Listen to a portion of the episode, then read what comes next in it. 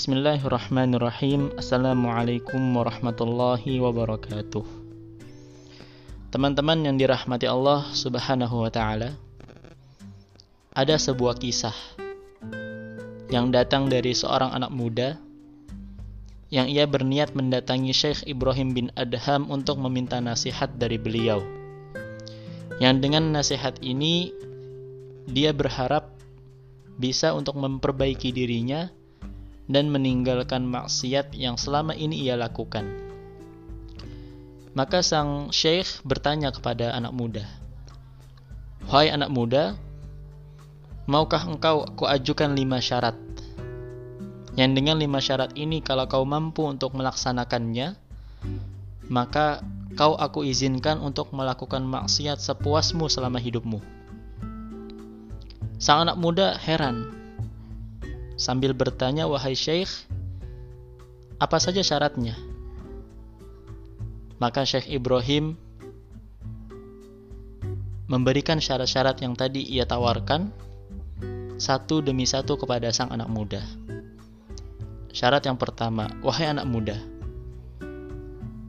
kalau kau hendak bermaksiat di atas muka bumi Allah ini, maka janganlah kau sekali-sekali memakan dan meminum dari rizki yang Allah berikan kepadamu. Sang anak muda heran dan memberikan tanggapannya, Wahai Syekh, bagaimana mungkin bisa aku mencari rizki di luar dari yang Allah berikan? Sedangkan semua yang kumakan dan kuminum ini adalah pemberian dari Allah subhanahu wa ta'ala. Syekh Ibrahim menanggapi lagi, Ya, kau benar maka apakah kita tidak malu? Sedangkan semua yang kita makan, semua yang kita minum ini adalah anugerah dari Allah Subhanahu wa taala. Sang anak muda lanjut bertanya, "Wahai Syekh, lalu apa hendak syarat yang kedua?" Syekh Ibrahim melanjutkannya, "Wahai anak muda, kalau kau hendak bermaksiat kepada Allah, maka carilah tempat di selain buminya Allah. Sang anak muda makin heran. Wahai Syekh, di mana hendak aku mencari tempat, sedangkan jangankan bumi Allah. Seluruh alam semesta ini adalah punyanya Allah, adalah kerajaannya Allah.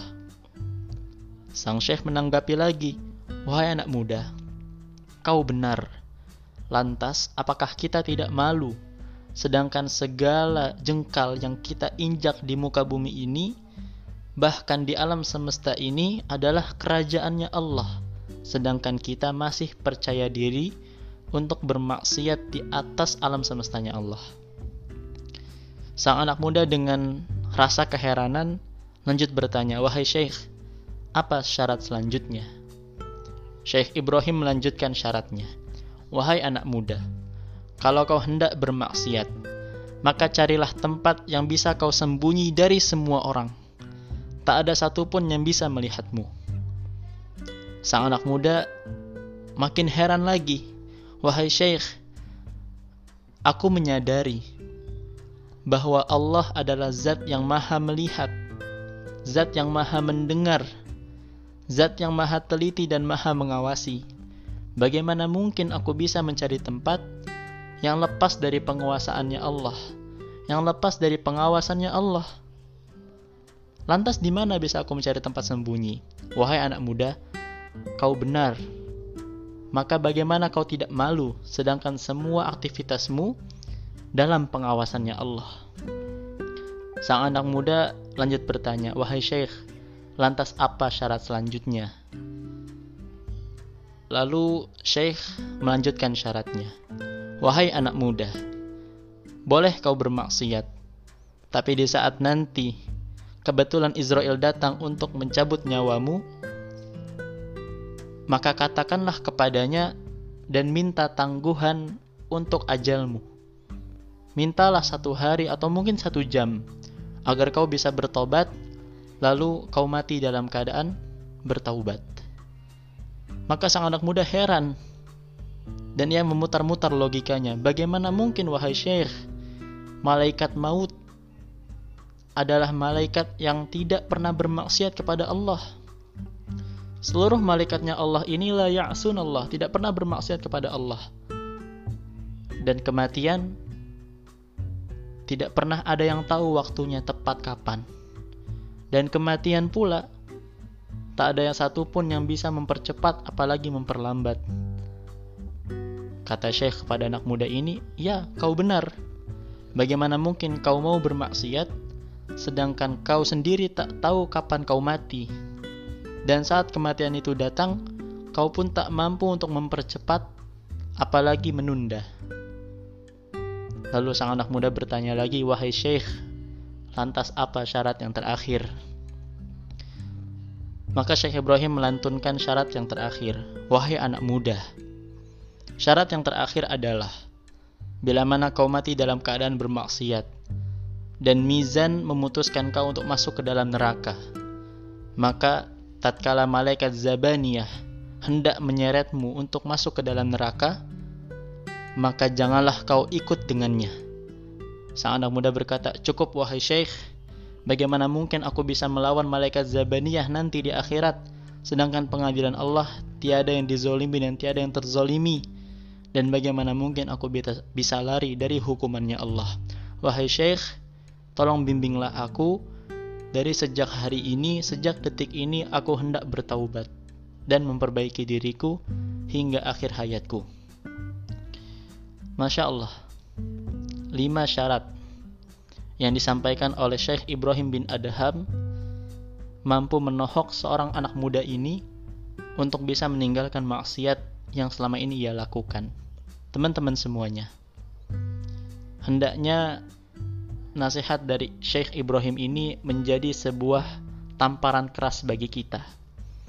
Bahwasanya manusia yang memang banyak salah, yang memang banyak lupa. Namun apa salahnya kita berusaha untuk istiqomah memperbaiki diri kita sendiri.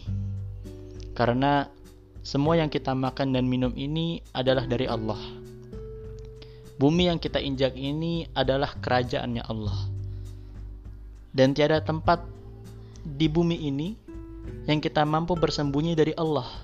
Lantas, apakah kita masih percaya diri untuk melakukan maksiat kepadanya? Mungkin satu dua kali khilaf boleh saja. Karena Allah Subhanahu wa taala Maha Pengampun. Tapi ada baiknya kita sama-sama bertekad dalam diri kita sendiri untuk istiqomah dan berusaha tetap teguh di atas jalan ketaatan kepada Allah Subhanahu wa taala. Dan carilah teman, carilah sahabat yang dengannya kita bisa saling menguatkan di, atas jalan ketaatan ini. Karena sahabat yang baik bukan hanya yang sekedar menghibur kala sedih, bukan hanya yang saat bersama kita senang dengannya. Lebih dari itu, sahabat yang baik adalah sahabat yang menyemangati kita beribadah dan terus menyemangati kita juga di saat kita sedang futur, saat kita sedang bosan dalam beribadah. Dan inilah sahabat yang paling mahal yang hendak kita miliki dan mengabadikan hubungan sahabat ini hingga akhirat kelak. Teman-teman semuanya, semoga Allah memberikan taufik dan hidayahnya kepada kita untuk kita bisa istiqomah dan berusaha teguh di atas jalan ketaatan kepada Allah Subhanahu wa taala hingga akhir hayat kita. Allahul muwafiq ila aqwamit thariq. Barakallahu fikum. Wassalamualaikum warahmatullahi